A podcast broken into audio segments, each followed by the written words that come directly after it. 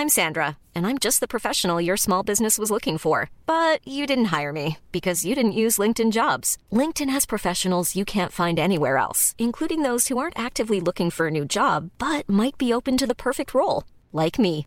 In a given month, over 70% of LinkedIn users don't visit other leading job sites. So if you're not looking on LinkedIn, you'll miss out on great candidates like Sandra. Start hiring professionals like a professional. Post your free job on linkedin.com/people today. Burrow is a furniture company known for timeless design and thoughtful construction and free shipping, and that extends to their outdoor collection.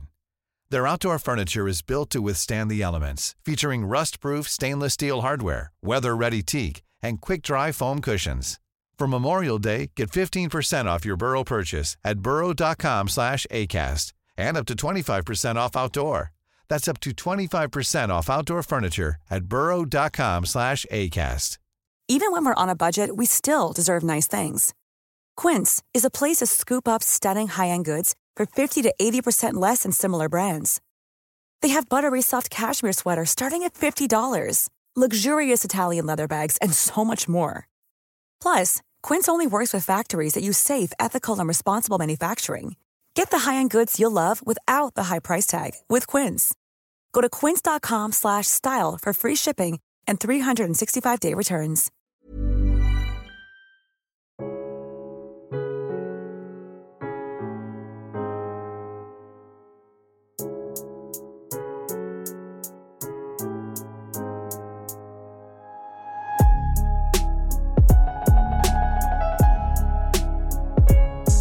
När trafikläget tillät fick han klart in mot fältet. Han begärde och fick tillstånd att genomföra ett landningsvarv på låg höjd.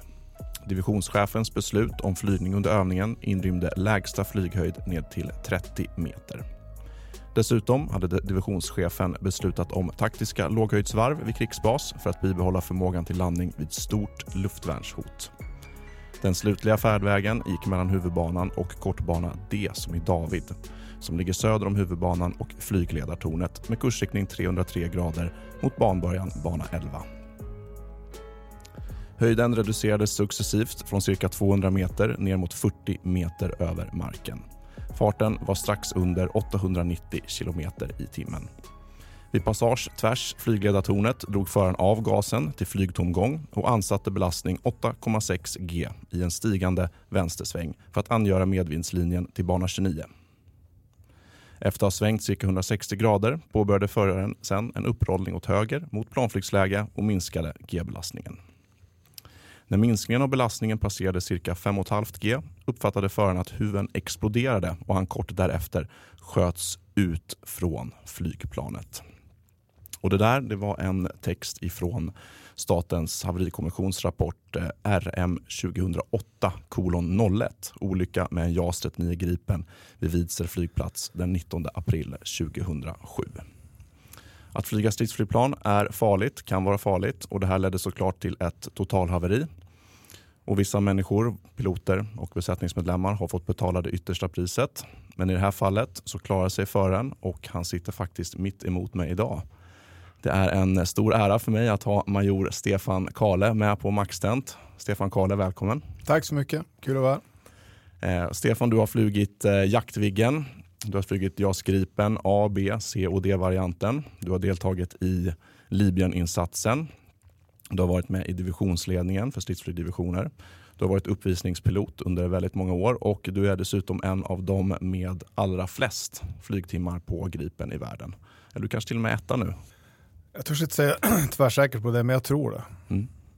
Ja, en, en eh, väldigt rutinerad eh, pilot som sitter här och eh, som sagt jättekul att ha det här Stefan. Och vi kommer naturligtvis att gå in eh, på allt det där eh, nu. Eh, det som du är bekväm att berätta om. Det är vissa saker som vi inte kan prata om här såklart. Men just den här händelsen som eh, vi inledde med där. Eh, den har ju du berättat för mig bland annat vid en utbildning när du var huvudlärare i stridsflyg då, på flygbefälsskolan, FBS, uppe i mm. Uppsala i kurs. Och, eh, ja, vi har flugit tillsammans några pass också. Och, eh, eh, du tillhörde ju och tillhör fortfarande, om jag förstått det rätt, F21 då, uppe i norr. Det hör man nästan på när du pratar också. Men innan vi kommer in på, på den här händelsen, vem är Stefan Kale? Vem är Stefan Kahle? Jag är en uh, man i övre medelåldern, får man säga så, uh, som har uh, en familjefar, tre numera nästan vuxna barn boende i Piteå och en fantastisk fru såklart. Eh, har bott uppe i, eh, född och uppvuxen i Piteå och en kort sejour till Luleå eh, och sen tillbaka till Piteå och jobbat med det jag gör nu mer eller mindre hela mitt liv. Eh, flyger flygplan i olika former och gör det fortfarande. Och du är uppväxt då i Piteå och ja, kommer från familj, sportintresse. Vad, vad, gjorde, vad var det som gjorde att du fick som sökte till stridsflot från första början? Jag är född och uppvuxen i, i Piteå och jag bor faktiskt nu bara eh, en par kvarter från där jag är uppvuxen så jag är tillbaka på mammas gata. Så att, eh, Eh, jag, eh, jag, har det bästa av världarna. Jag har liksom eh, ett eh, socialt liv i flygvapnet eh, som är väldigt speciellt. Och sen har jag ett socialt liv som jag har kvar från min, eh, min barndom så att säga, både vad gäller familj och eh, jättemycket vänner. Så att jag, jag trivs jättebra med med boende och sådär. Jag är uppvuxen i Piteå, eh, eh, trygga familjeförhållanden och eh, pysslar mycket med idrott. Jajamän. Eh, jag trodde ett tag att jag skulle bli vår nya Ingemar Stenmark. Som tur var blev jag inte det, eh, för då hade jag ju inte fått möjligheten att flyga flygplan. Gjorde ett halvtaskigt försök att spela fotboll också till 20 års ålder. Eh, ville mer än vad jag kunde. Ja, nej, men det låter, låter klokt. Och vad, vad var det som gjorde att du sökte till stridspilot? Var det lumpen eller något annat? Ja, det var egentligen, jag gjorde lumpen på, på jägarskolan uppe i Kiruna och eh, ärlighetens namn var jag ganska mätt på det militära efter eh, en, en, en, riktigt tuff utbildning. Så att eh, om någon frågar mig när jag muckade därifrån, ska du fortsätta ditt liv i det militära? Då var nog svaret tvärsäkert nej. Sen åkte jag hem och eh, det var väl eh, det var, det, var, det, var, det var en riktig slump att jag började i flygvapnet. Det var en kompis som hade gjort lumpen på F21 och berättade lite grann om det livet. Och så gick jag fjärde året på, på teknik, eh, Teknik tekniskt som det hette då, i Luleå. Då, då passerar man eh, ofta inflygande flygplan på, till och från skolan i Luleå. Så det var egentligen första gången jag började tänka på det där. Slängde in en ansökan på vinst och förlust och eh, ja, här är jag. Mm. Nej, men det är väl något som går igen när man pratar med eh, stridspiloter att det är inte många som skickar in ansökan med visshet att de kommer klara det utan snarare att det är vinst och förlust. Nej, precis så är det. Det var, mer, det var också när jag hade gjort första testerna uppe i, i Luleå, så liksom till min förvåning så, så gick det ju tydligen bra då och skulle skicka mig till Stockholm och då tänkte jag att, eh, att nej, jag åker till Stockholm och blir bortgjord där. Det, det gör jag. Men sen fick jag lite hjälp med, med resor och lite pepp och sådär så hamnade jag i Stockholm och så gick det också bra. Mm. Ja, ja, men det, det, tackar vi för eh, att du skickade in de där eh, ansökningarna. Och det kan ju vara en uppmaning till de som sitter och funderar att det är bara att skicka in de där papperna. Det kostar inte så mycket att Precis. skicka ett papper. Ja, men, och sen så kom du in då eh, och då var det GFU på Eh, Krigsflygskolan nere på FM, låg den då kan jag tänka mig? Exakt.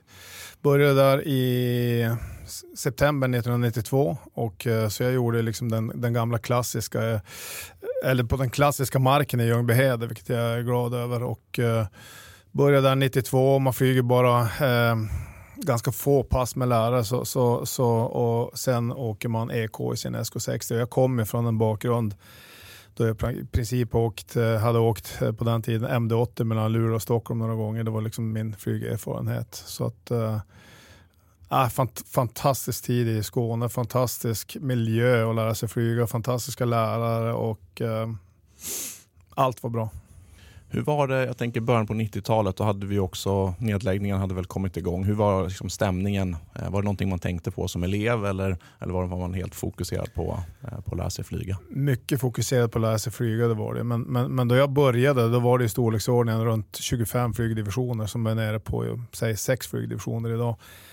Så medan jag gjorde grundutbildningen i Skåne och sedermera i Uppsala så la man ju ner, eh, om vi ska ta ur huvudet, så la man ju ner i Norrköping, eh, F15 Söderhamn och vad kan det vara mer? F6 kanske? Karlsborg. Mm. Karlsborg. Så det var, det, var, det, var, det var ju mitt i den tiden, absolut. Mm. Och Utbildningen har väl sett ganska så likt ut när det gäller GFU på SK60. Nu är väl eh, sista GFU är väl gjord med SK60 nu tror jag. Mm. Um, men eh, kan du berätta lite om utbildningen? Ja, utbildningen, eh, då var det ju GFU som det fortfarande heter och så var det GTU 1 respektive GTU 2. Och GFU står för grundläggande flygutbildning och det är precis det där. Det, det man, man lär sig grundläggande, liksom vänja sig vara, sitta i cockpit, eh, starta och landa. Man gör sina loopingar, man gör sina första rollar eh, och eh, man pillar inte någonting på något taktiskt. Eh, inga sådana grejer. Sen, det gör man, då gjorde man det i storleksordning eh, ett år ungefär. Och sen var man kvar ett halvår och gjorde GTU1 i Ljungbyhed och då började man lite grundläggande taktisk utbildning och då är det lite mer eh, avancerad flygning i rote och i grupp och man flyger lite lågt och eh, jag tror att vi sköt lite attackraketer eh, då också. Så det, det är liksom intro på det taktiska. Sen åkte vi GTU2, sex månader gjorde vi i Uppsala. Då. Det är liksom en fortsatt taktisk utbildning. Det är ganska, då var det rätt högt tempo på det och ganska mycket avancerade saker med eh, jaktstrid eh, upp till och när vi körde rot mot rot, men vi körde rot mot enskild i alla fall. Det är ganska avancerad eh, nivå. Så att sen när man slutar GTU då och har flugit i, i eh, två år SK60 så ska jag vilja påstå att vi var rätt duktiga på det. Mm. Ja, men det är min, eh, det som, så som man kommer ihåg det då också, att man, man blir ganska duktig på SK60. Man tar SK60 väldigt, väldigt långt, alltså ner mm. till låg höjd och som du säger manövrerande strid två mot en eh, körde vi. Eh, så att, eh, nej, man, man känner sig ganska varm i kläderna där ett tag, mm. man får flyga Absolut. mycket. Mm. Hur eh, gick själva utbildningen för dig då? Jag, något som jag själv eh, reflekterar att man har ju, det har ju alla elever, lite så ups and downs. Vissa saker faller, man, ja, faller sig naturligt att man har ganska lätt för och andra saker tycker man är ganska svårt. Hade du något som sticker ut och jag tänker ja. kopplat till press med avskiljning och sådana saker? Nej, precis. Det, det, det, man tar med sig, eller när man liksom hör talas om flygskolan så är det ju tidigare, säg på 80-talet och tidigare än så, så, så var det ju väldigt eh, stor del som, som fick sluta som blev helt enkelt avskilda. Eh, vilket blev betydligt mindre under 90-talet och med bättre pedagogik och så vidare. Men, men såklart lever man med den pressen och det är lite speciellt när man kommer från en vanlig skolmiljö och liksom du kanske brottas med ett bra eller ett dåligt betyg. Men här, här brottas med att man eventuellt helt enkelt skulle få åka hem. Då. Så att, så att vi, jag ska inte säga att det var liksom en hämmande press, men det var en, det var en rejäl press att liksom leva med det där. Och vissa, eller en svårighet att veta var man låg någonstans. Liksom att um, om, om, om, om en lärare sa, sa, uttryckte sig på ett visst sätt tänkte man fasen är jag på gränsen till att bli avskild nu eller? Så det tyckte jag var lite um, utmanande att inte liksom veta riktigt hur det går för en. Mm. Ja, men det, det reflekterar jag själv också mycket man tittar tillbaka. Att det är nästan en, man har designat det så att man ska inte riktigt veta hur det går utan man lägger nästan högre press på sig själv ja. än, än vad lärarna gör. Eh, min, min magister Nisse, eh, jag vet inte om han lyssnar men jag hoppas det. Han, eh, när han sa att det går ingen skugga över det, då visste man att det låg det ganska bra till. Så, så att det, det, det finns många ur den äldre skolan där. Ja, och sen så, som du sa då, GTU, grundade taktisk utbildning, började man nere på Krigsflygskolan och sen så upp till Uppsala F16 GTU2 SK60, del 2 där. Och sen så var det 37 då, Viggen för dig? Sen var det 37 Viggen för mig. Våran kull blev ju tilldelad fyra platser på F10, en av, en, en av de sista kullarna på Draken och så hade vi sex platser uppe på Urban i Luleå då, flyga Jaktviggen.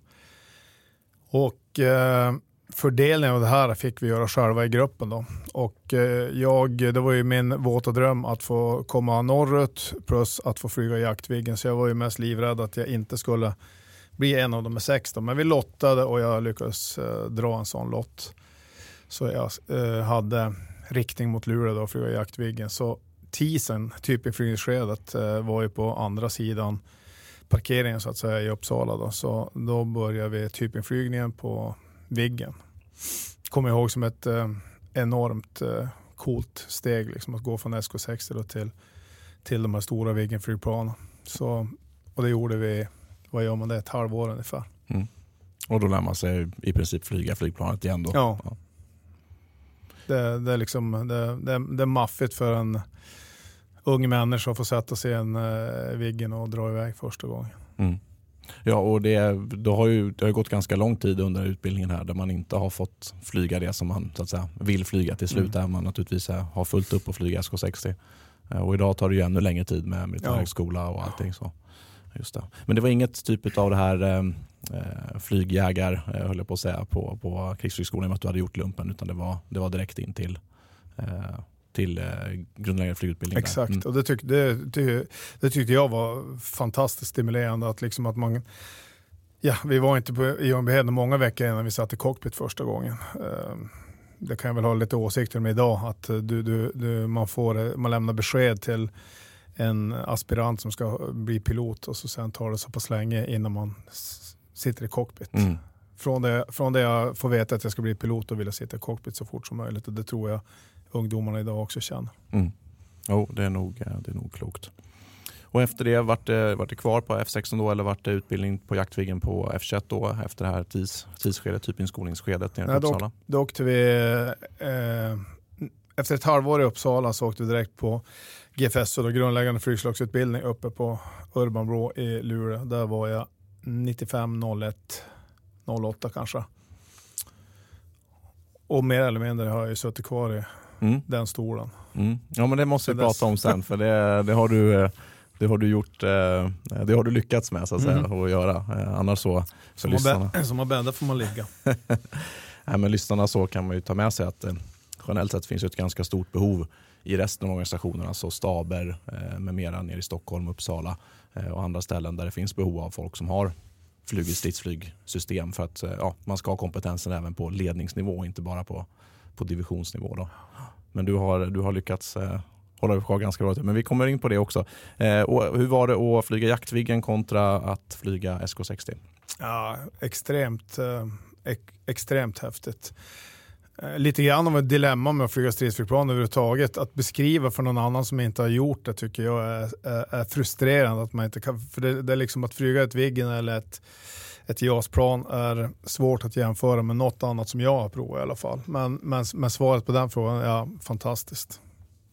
Och det här var, måste ha varit mot slutet utav eh, Eh, 37 skedet ju, eh, slutet av 90-talet. Eh, vad, var det för varianter? Var det, hade ni fått Amram mot slutet där? Ja, precis. Ja, vi flög ju exakt vad editionen hette när vi började kommer jag inte ihåg, men däremot så fick vi en J37 David, kom ju, vad ska vi säga, slutet på 90-talet. Och det som det blev den stora grejen där var precis som du säger att vi, att vi mm, implementerade Amram i, i flygplanet och kunde skjuta radarrobotar på ett helt annat sätt än vad vi gjorde tidigare. Vi fick en, eh, en tv-skärm som är faktiskt exakt så som eh, skärmarna ser ut i 39C idag och började, så att det var ju ett, det var ett jättelyft. Och så att, eh, så att eh, Jaktviggen i slutet på dess karriär så var det ett enormt potent flygplan.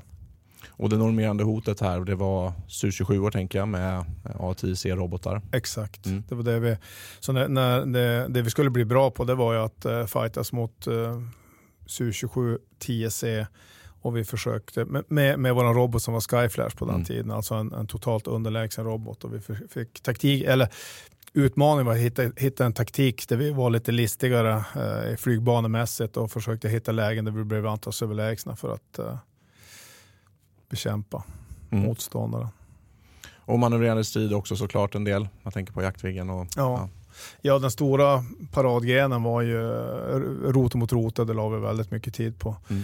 Både för att det behövdes och inte minst för att det var det liksom flygtrimshöjande och eh, sist men inte minst jävligt roligt. Ja, och sen så eh, förde man ju in 39 Adam runt millennieskiftet på F21. Och du var väl en av de första eh, på F21 som fick jo, vi, var ett, vi var ett gäng som åkte ner då och säger att det var 2001 tror jag det var. Då åkte vi ner en, division, en, en kommande flygchef, en kommande divisionschef, flygingenjör, alltså två stycken. Eller en som skulle sitta i divisionsledning och en instruktör. Och jag var, jag var den instruktören. Då. Så vi var fem som åkte iväg ner till Såtenäs respektive eh, Ängelholm och lärde oss flyga JAS 39 Adam som vi sen tog med oss hem till, till Luleå och då var det vi som liksom höll i utbildningen och introducerade för övriga divisionen där då, under 2002 tror jag det var. Hur var det steget att gå från, eh, från Jaktviggen till 39 Adam? Framförallt så, så är det ju kul. Det är liksom, eh, allt nytt är roligt och nya prylar är ju roligt. Sen var det så här också när man kommer från, som jag var inne på, J37 David var ett potent flygplan. Så mm. det, var, det är ju såklart vissa saker som man, som man, som man liksom, det här är förbjudet att säga för yngre, yngre piloter, att det var vissa saker som var bättre i JA37 när vi började där. Eh, men hur var det? Eh, intuitivt när man har flugit i JA37, eh, mycket av saker som man känner igen i cockpit.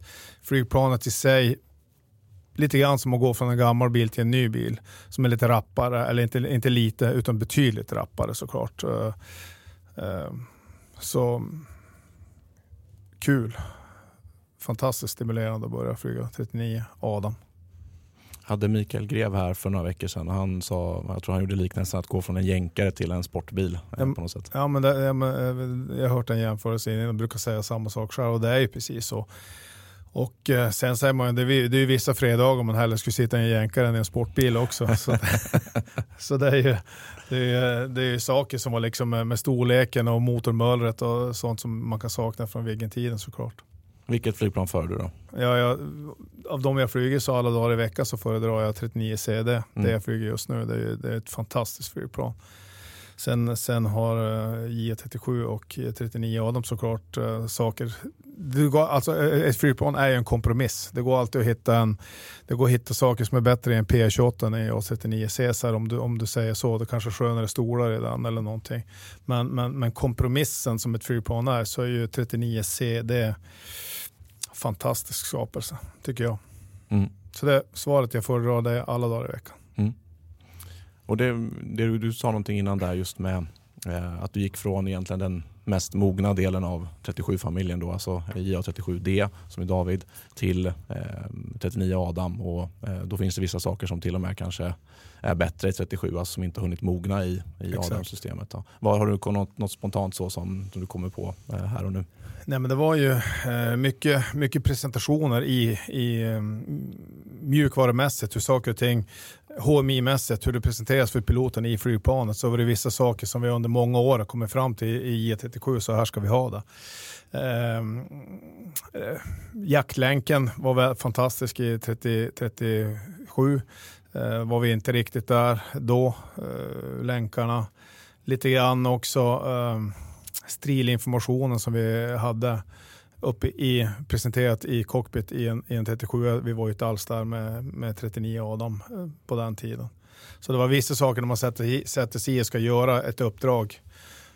Ja, frustrerande. Det här, är, det här har ju vi varit bra på innan och nu är vi dåliga på det här. Men sen är vi ju bra på, eller vi är mycket, mycket bättre på många, många fler saker så, såklart.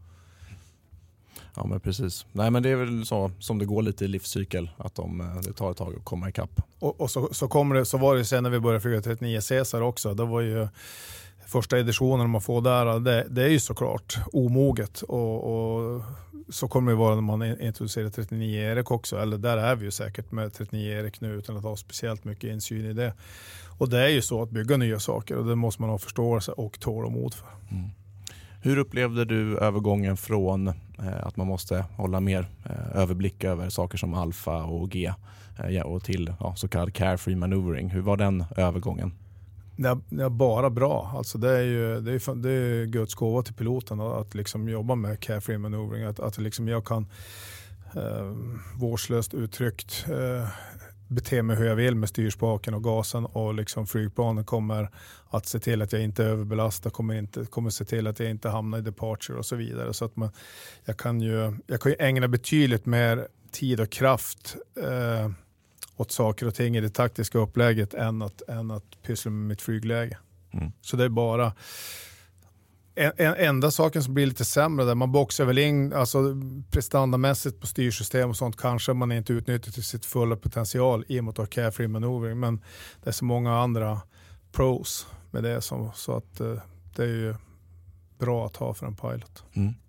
Och övningarna ni körde 39 mot 37, alltså Gripen mot Viggen i till exempel manövrerande strid. Mm. För den, jag får mycket sådana frågor på, på kanalen just hur, hur skulle 39 gå mot 37 och så. Hur, vad, vad kan man säga om sådana? Ja, det kan jag svara på för det var ju liksom eh, när vi kom upp till F21 med våra första fem 39 Adam och 39 Adam var ju en eh, styrsystemsmässigt lite rappare än 39 Caesar så det var ju ett väldigt agilt flygplan med, med 9G prestanda precis som vi har nu. Och eh, eh, i, många Jaktviggen-piloter, inklusive mig själv, har ju hållit det flygplanet fantastiskt högt då, liksom vad, vad gäller eh, kurvstrid och flyga fort och sådana saker. Man, när man blir pilot och sitter i ett flygplan så förvandlas man till, ofta till en, en, en småpojke och, och, man pratar om mitt flygplan går fortare än ditt, mitt svänger mer än ditt. Mm. Så det var ju lite grann där också vi snackade om, och så sen, om just sådana saker. Och då var det några pilotkollegor som flög på divisionen bredvid som fortfarande flög Viggen och då sa men vi åker upp och så sen, sen provaxar vi, typ ungefär se vem som springer snabbast. För det var, det var snack om att eh, accelerationen på Viggen var upplevs ju brutal, det kan jag skriva under på. Och, och, och den känns inte lika brutal i en 39. Varför vet jag inte. Men då åkte vi upp bredvid varandra på lite låg höjd och så sen typ räknade 3, 2, 1, tände EBK. Och det, ju, det, var absolut inget snack om vilket flygplan som var snabbare. Så då hade vi bevisat det. Och, så och vilket sen, flygplan var det då? Så att vi ja, tydliga med det. ja, det var, det var absolut JAS 39 Gripen som var betydligt snabbare i accelerationen än Viggen. Det, det har jag sett. Eh, sen samma sak eh, manövrerar vi mycket mot Viggen och det är ju det är en helt annan spelplan. Och när man sitter i en Viggen så, så bullrar det och stånkar lite mer och skakar och grejer. Så det känns lite mer dramatiskt. Så man kan tycka att jag svänger fantastiskt med flygplanet och det går fort och det händer mycket. Men sen när man sitter i en 39 och tittar på, på det där utifrån då var det nästan så jag tänkte då måste jag fått något fel på styrsystemet för det, det, det, det svänger ju ingenting. Liksom. Mm. Så det var utklassning kan man ja, säga när det gäller svängprestanda? Ab mm. ja, mm. Absolut, mer mm. än utklassning. Mm. Ja, då har vi eh, till alla Viggen lovers där ute har vi tyvärr eh, av har ni hört det från... från alltså jag är eh, också en Viggen lover. Ja, jag, jag, får aldrig så mycket kommentarer på saker som när jag säger fel när det gäller någonting med Viggen och 37. Så att, eh, så att, har du haft eh, möjlighet att testa mm, Digital Combat Simulator någonting och flugit AIS 37 där i den här eh, dataspelet? Nej, jag har sett, nej, det har jag inte gjort. Nej. Nej, det är väl ett tips där ute. Ni får bjuda in Stefan. Jag är en Jaktviggen-kille så jag flyger inte AIS. det är en principgrej. ja, men det är bra. Då fick vi in eh, det också. Eh, hur skilde sig övningarna när man har gått från 37 till 39? Då? Hur, hur ändrade ni liksom, eh, upplägg och, och träning på divisionen? Ja, egentligen så det som gjorde att vi förändrade ganska mycket hur vi övade, det var ju omvärldsläget. Det var i samband med att med muren föll och kalla kriget eh, per definition upphörde och där någonstans i början av 2000-talet så då, då var vi liksom i en Eh, den här strategiska timeouten. Så, så att vi, vi hade ju liksom ingen naturlig motståndare. Så att vi sökte oss andra, eller våra politiker i vår utrikespolitik sökte sig mer mot internationella samarbeten. Så att det var också lite frustrerande, för då, då började vi med det här, så här, 2003 var första gången vi var på, på någonting som liknade en NATO-övning. Och då kommer man ju där, där och och då var vi verkligen kusiner från landet. För 39 Adam var ju byggt precis som det, som det skulle vara för att eh, försvara fosterlandet med, med allt vad det innebär. Eh, och inte byggt för att vara med i interoperabelt sammanhang. Så, att, så att det var lite frustrerande. Nu har vi nya flygplan och så sen är vi fortfarande inte alls något bra på det här. Nej. Så att, så att eh, 39 Adam-tiden är jag den första att skriva under på att, att det, var, det, var, frustrerande i de övningarna som vi var med. För då, då var det nästan bara internationellt samarbete. Vi var i Holland och Norge och eh, Europa på övningar och så sen både, både för att vi hade ett riktigt kunskapen och flygplanet var ett riktigt eh, byggt för det där med liksom till exempel bullseye-presentation och sådana saker. Så, Vad är bullseye för någonting? Bullseye är egentligen en, en, en, referenspunkt som vi lägger in i flygplanet och samövar man med någon annan, eh, eller om, om vi säger så här att back in the days när vi flög med Viggen så hade man geografisk ledning. Då säger man du har ett mål som ligger Eh, 10 kilometer norr Norrtälje. Nu säger vi 10 kilometer, då säger man eh, 36010 från Bullseye, så det är en referenspunkt som, som, man, som man kan flytta beroende på var the battlefield är så att säga. Så det hade vi inte, så att det, då, då, fick vi liksom sitta och handgöra det här på en karta och då känner man sig inte så proffsigt, så det var frustrerande. Sen om jag ska gå in, eh, vi fortsatte med de här övningarna då. Eh, det blev mer och mer internationellt eh, och sen 2006 så började vi flyga 39 Caesar då. Mm. Och det var ju eh, allt det här som vi saknade i 39 Adam. Det var, ett, eller var och är ett otroligt inter, interoperabelt flygplan med bullseye-presentation och med eh, ja, liksom eh, allting i databaserna inlagt för att färdas runt eh, jordklotet och, och kunna vara med i internationella insatser. Så att vi fick det 2006 och redan 2006 så åkte vi på en övning då i Alaska som var otroligt eh, spännande. En liten kuriosa där då när jag säger att allting var bra, vi hade rätt vapen, vi hade precisionsstyrda bomber och så vidare. och så vidare. Det, man in, det vi inte hade när vi kom till Alaska upptäckte vi, det var ju att just den här Bullseye-presentationen var inte, det var inte hänsynstaget eh, eh, missvisningen på Magnetic och True North. Så, och där, där uppe i Alaska så är det 27, skiljer 27 grader. Mm. Så att från att vi liksom sa att nu kommer vi kunna ange positionen i förhållande till Bullseye med en enorm säkerhet så upptäckte vi när vi kom där att vi, vi måste plussa respektive ta bort 27 grader. Och det, det är jobbigt för en hjärna med en flyghjälm på. Tusen kilometer i timmen. ja. men, det, men det är fixat nu, så nu tar flygplanet hänsyn inte beroende på var i världen man är. så. Mm. Ja men det är ju sådana här klassiska grejer, man pratar om det, the devil is in the details. Alltså ja, det är sådana små så, saker som absolut. man tycker är en skitsak som kan få extrema konsekvenser för workload, alltså hur mycket man har att göra på jobbet. Ehm, ja, spännande. Och något du kan säga där, det var en ganska kort period med Adam, eller kort och kort, men sex år ungefär. Då ja, exakt, mm. det var men det kan man också reflektera Vi har flugit Viggen i fem, sex år och Adam i fem, sex år. Men är det någonting man, jag kommer ihåg från min flygkarriär, så liksom, eller man kan reflektera över att jag satsat på så mycket prägel på, på min flyg, eh, mina minnen från för suttit i flygplan, det är just den där tiden med Viggen. Det känns som jag flyger ja, jättemånga år i Viggen och jag har ju flugit typ 23 år med JAS och fem år med Viggen. Men, men minnesmässigt så är det liksom, men det är det man gör i, gör i början av någonting. Det är man präglas man av. Mm. I'm Sandra and I'm just the professional your small business was looking for. But you didn't hire me because you didn't use LinkedIn jobs. LinkedIn has professionals you can't find anywhere else, including those who aren't actively looking for a new job but might be open to the perfect role, like me. In a given month, over 70% of LinkedIn users don't visit other leading job sites. So if you're not looking on LinkedIn, you'll miss out on great candidates like Sandra. Start hiring professionals like a professional. Post your free job on linkedin.com/people today. Burrow is a furniture company known for timeless design and thoughtful construction and free shipping, and that extends to their outdoor collection. Their outdoor furniture is built to withstand the elements, featuring rust-proof stainless steel hardware, weather-ready teak and quick-dry foam cushions. For Memorial Day, get 15% off your Burrow purchase at burrow.com slash ACAST and up to 25% off outdoor. That's up to 25% off outdoor furniture at burrow.com slash ACAST. Ja, det satte sig i ryggmärgen. Mm. Och vi kommer till det sen också. Ehm, med haveriet där. Ehm, Ja, och sen så internationella övningar då. Du har varit inne lite, det var Red Flag-övningar då i Alaska tänker jag. Mm. Det var, ja. vad, vad lärde ni er under den här perioden? Eh, så? Ja, vi lärde oss enormt mycket. Alltså det var ju, eh, säg slutet på 90-talet, början på 00 så då var vi enormt duktiga på, på att försvara landet och liksom sprida oss på baser. och ja, Med väldigt kort eh, förberedelsetid så, så, så presterar vi bra. Eh, sen det vi gjorde eh, under hela första 11 åren på 2000-talet, det var ju att lära oss från ingenting till allt.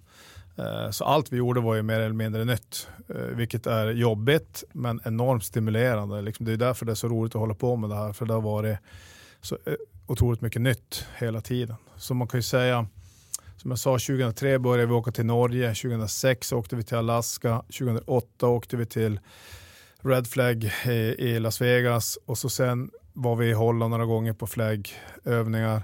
Och crescendot för oss blev på något sätt 2011 när vi åkte till, till eh, Libyen, då, FL0, FL-insatserna vi gjorde där. Då.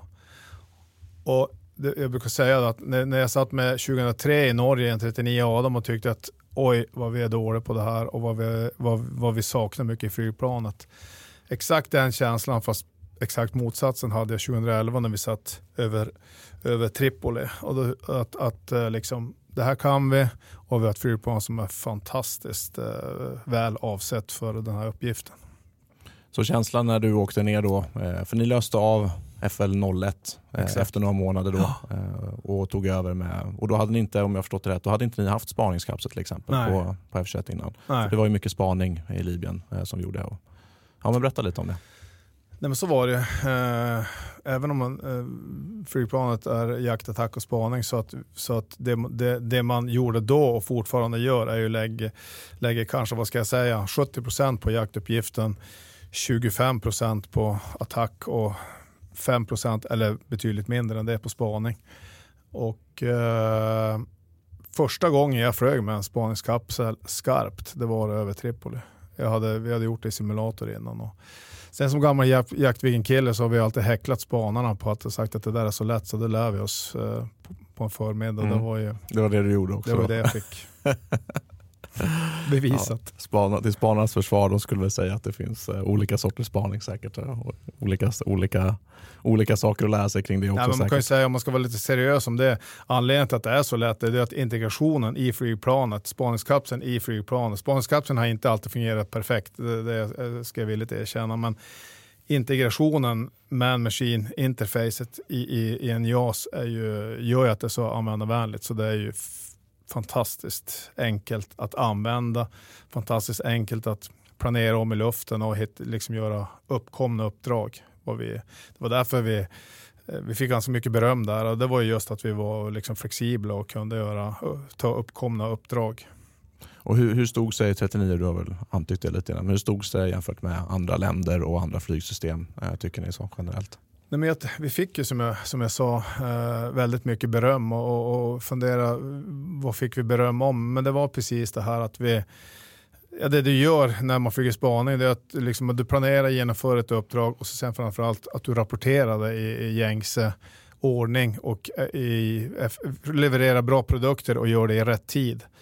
Eh, det var vi bra på och så sen var vi ett normalt uppdrag så åkte vi in över eh, Tripoli eller söder om Tripoli och så gjorde vi ett pre-planned mission där och eh, gjorde det vi skulle. Sen åkte vi ut på tanken och så sen eh, eh ropade vi oss available för dynamic eh, tasking, alltså att eh, har ni någonting åt oss som har uppkommit med kort varsel? Och då kunde vi få det i luften, att ja, vi vill ha det här och det här exponerat. Och då vårat, vårat, vårat eh, system i JAS-39 medger att vi kan knappa in det på ganska enkelt sätt och så lösa det på, med kort varsel. Så det var nog det som, som man ska säga, imponerade på uppdragsgivaren mest tror jag. Mm. Ja, och det är ju det är ingen liten uppgift om man tänker. Det är ju hur många andra flygplan som helst inblandade. Du nämnde lufttankning, oh. det är olika områden, förbudsområden, eh, hot eh, och sen så då att man ska dessutom träffa den här koordinaten med, med, med kameran i det här läget mm. då, inte med mm. bomben. Men, eh, och sen så att det blir något resultat där också. Ja, nej, men jättespännande. Har något annat som med Libyen? Hur, hur tidigt visste ni att det var dags att åka ner? Eh, för ni stod inte i Nordic Battle Group-beredskap, eh, ni som åkte ner från F21 om jag förstått Nej, det. hur tidigt visste vi det? Svaret är sent. Mm. Alltså vi, vi, vi var nog lika förvånade som alla andra i Sverige att vi skulle skicka stridsflyg dit eh, plötsligt. Och så skickade vi dit eh, det som var FL01 som i huvudsaken var då från flottiljen i söder, F17. Och sen eh, började vi liksom kommer det vara någon rotation på det här? Och det vi fick från politiskt och flygvapenledningen att nej, det finns inga sådana planer. Och eh, men vi kunde ju räkna ut att skulle det bli en förlängning av det så skulle vi bli anspråkstagna. Så att, men det var tydligare, till och med direktiv att ni ska inte, eller inom citationstecken, ni får inte förbereda Och eh, men vi kanske hade börjat skuggplanera för en, en personalgrupp och vi kanske hade börjat skuggplanera för liksom hur, hur ett eventuellt uppdrag skulle se ut. Där. Så, men, men när det blev ett beslut, jag kan ha fel, men det, det, vi snackade ju veckor innan vi åkte, mm. att det blev ett beslut på att, att vi skulle sätta ihop en flygstyrka FL02. Och det är piloter och det är tekniker och det är, eh, en ganska stor grupp att sätta ihop. Var det lätt eh, beslut att åka med? För mig personligen? Ja, generellt. Det... För, för, för, gruppen så var det fantastiskt. Alltså, vi satte ihop den FL02, jag vet inte hur många vi var i personalramarna, men det gick eh, på mindre än en vecka tror jag vi hade fyllt allting. Eh, och för mig personligen så, så, så var det också, för mig som pilot så är det ju hur man nu ska uttrycka sig om det här, men det är stimulerande att liksom göra det man, det man har övat för i hela sitt liv. Och så sen som jag sa, nu, nu börjar vi ha en, vi börjar ha ett flygplan, vi börjar ha en kunskap och det känns som att vi kommer att åka dit och det är viktigt att vi åker dit för att vi kommer att göra vi kommer att göra skillnad. Uh, och så sen, sen såklart man liksom tror på grejen också att uh, vi kommer att göra skillnad och vi kommer att göra det på ett bra sätt och det, att uh, någon kommer att få det bättre att vi ska vara här. Så, så med det sagt så är beslutet, tycker jag, ganska enkelt. Ja, men det, det kanske inte heller så många som tänker på det, men som, som ja, militär officer och särskilt då i flygvapnet med, med stridsflygsystemet, när man inte hade varit utomlands någonting innan, det har varit missioner från ja, armén eller vad ska säga, markstridskrafter och allting innan och fått göra skarpa saker. Så man har ju tränat hela sin karriär, massor med år, men man har inte kanske fått göra så mycket skarpt. Det finns incidentberedskap och sånt, men just det, eh, den här, att man vill testa sig själv eftersom man har förberett sig hela livet. Ja, lite så. Mm. Ja men spännande. Eh, och sen tre månader i Libyen. Eh, var det några andra saker som stack ut där? Eh. Ja, men det, det, egentligen inte, utan eh, eller både ja och nej. Eh, det, det är såklart, liksom, allt gick väldigt, väldigt fort. Och så sen plötsligt så var vi nere i, eh, på Sicilien då, där vi stod. Och Sicilien, det blir också eh, kontraster. För Sicilien, Catania, det är ju ett charterresemål så det, är liksom, det känns lite grann som att åka på en charterresa när vi landar ner på Catania Airport och så åker vi. Och så plötsligt så är vi på en, en militärbas, känns lite som man är på övning. Och så sen dagen efter så var jag på mitt första, min första skarpa flygning. Och så kommer man in över, ja, på vägen ner så åker vi också över Medelhavet. Vi ligger på samma frekvens som SAS-kärror som är på väg till Kreta. Och, um, och så sen skiftar vi en frekvens och då går man över på, på liksom krigsfrekvensen där och snackar med AOX. och, då, och så sen lufttankar vi och då man fokuserar på det och så sen fortsätter vi söderut och så flyger man in över en fantastiskt vacker strand, vilket är eh, stränderna i norra eh, Libyen. Då. Och så sen när vi kommer in där över fastlandet så ser man att det liksom brinner och det smäller och, och det släpps lite bomber och grejer. Det var liksom där man, för mig, eller för mig i alla fall, det var en liksom riktig reality check att shit, det här är på riktigt. Så det var väl Ja, just att, eh, att det är på riktigt och att eh, eh, när någon tittar på en och vi får radarvarning att det är någon som tittar på oss som, som förmodligen vill göra oss illa. Så det är ju en... Eh, För det fanns flera luftvärnssystem som inte var inräknade, alltså SA6or med mera och de ja, ganska potenta. Eh, Absolut, det var ju liksom det, det hotet vi levde med och det var ju just de luftvärnssystem du pratade om, det är ju sådana du kan ha gömt i ett garage och dra fram med väldigt kort varsel. Även om vi tror att vi har luftträvälde så måste vi alltid liksom ta det i, i beräkning och vi, och, och vi var ju de facto belysta av sådana gånger, några mm. gånger. Och det är ju det är ju någon som inte vill oss väl. Nej. Nej, men det är också någonting att, fundera på. just alltså Med stridsflygsystem så har man ju sån otrolig räckvidd jämfört med eh, andra och det går så fort att ja, man lämnar då en charterort och sen så är man i ett, mitt inne i ett inbördeskrig egentligen där Exakt. det släpps bomber. Ja.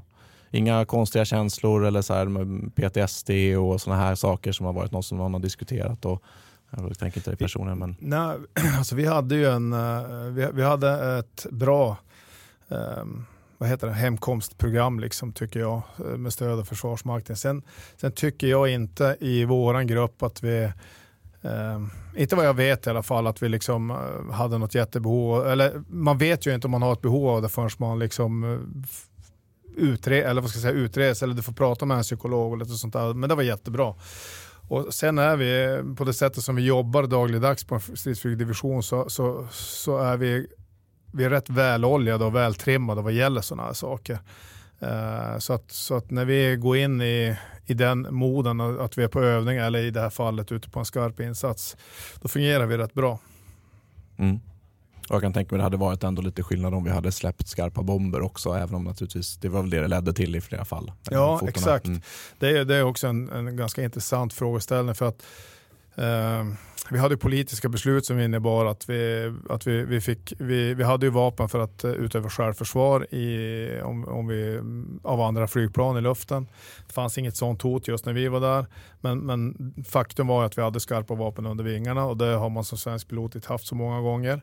Eh, sen, sen så var vi sen så spanade vi ju bara, säger jag inom citationstecken, men det är ju otroligt tydligt när man är där nere att vi spanar på någonting och så tittar vi på bilderna och då förstår vi att liksom, vi spanar ju av en anledning och vi spanar ju på de här byggnaderna eller vad det var för att det sen skulle bombas på dem.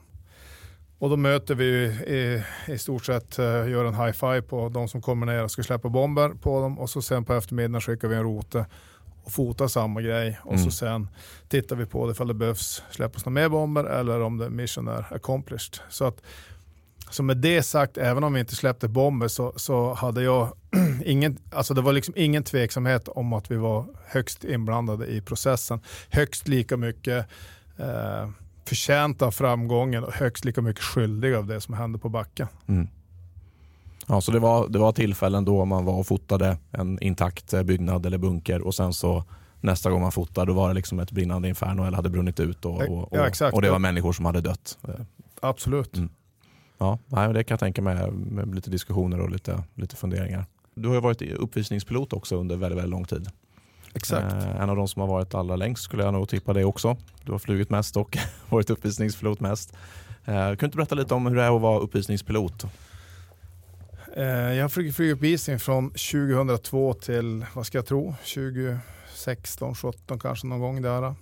Så det, det är, eh, vi brukar väl säga att vi ska byta kanske vart tredje år och så sen av olika anledningar så blev det inte så för mig. Hur är det att vara uppvisningspilot? Och det, är en, det är typ det, det kanske det roligaste jag har gjort i min flygkarriär. Jag har gjort otroligt mycket roliga saker men flyga flyguppvisning är roligt. Eh, eh, varför är det kul? Då? Jo, det är därför att då får man liksom, eh, eller jag, eh, går ju igång på att, att, att jobba med lite perfektion och, och lite av sin när jag flyger dagligdags på jobbet då är man del av ett, ett, ett lag och det är enormt stimulerande, absolut. Men eh, om man vill pyssla med något litet ego, eh, egoflygning och trimma just sin egen grej och förfina sitt flygprogram och, och sådär. Så är det också, tycker jag, jättestimulerande. Så det är roligt, fantastiskt kul. Jag har fått förmånen att vara runt halva hela världen Eh, både med flygvapnet och lite grann med Saab också. Så att, eh, jag har fått se och uppleva otroligt mycket.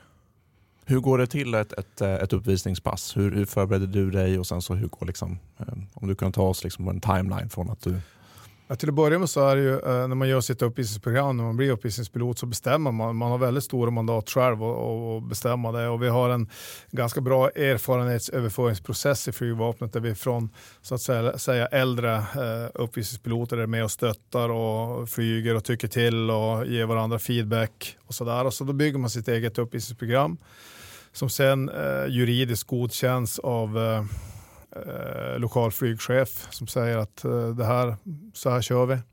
Vad, vad innebär det? Kan du utveckla? Varför, varför har man det steget?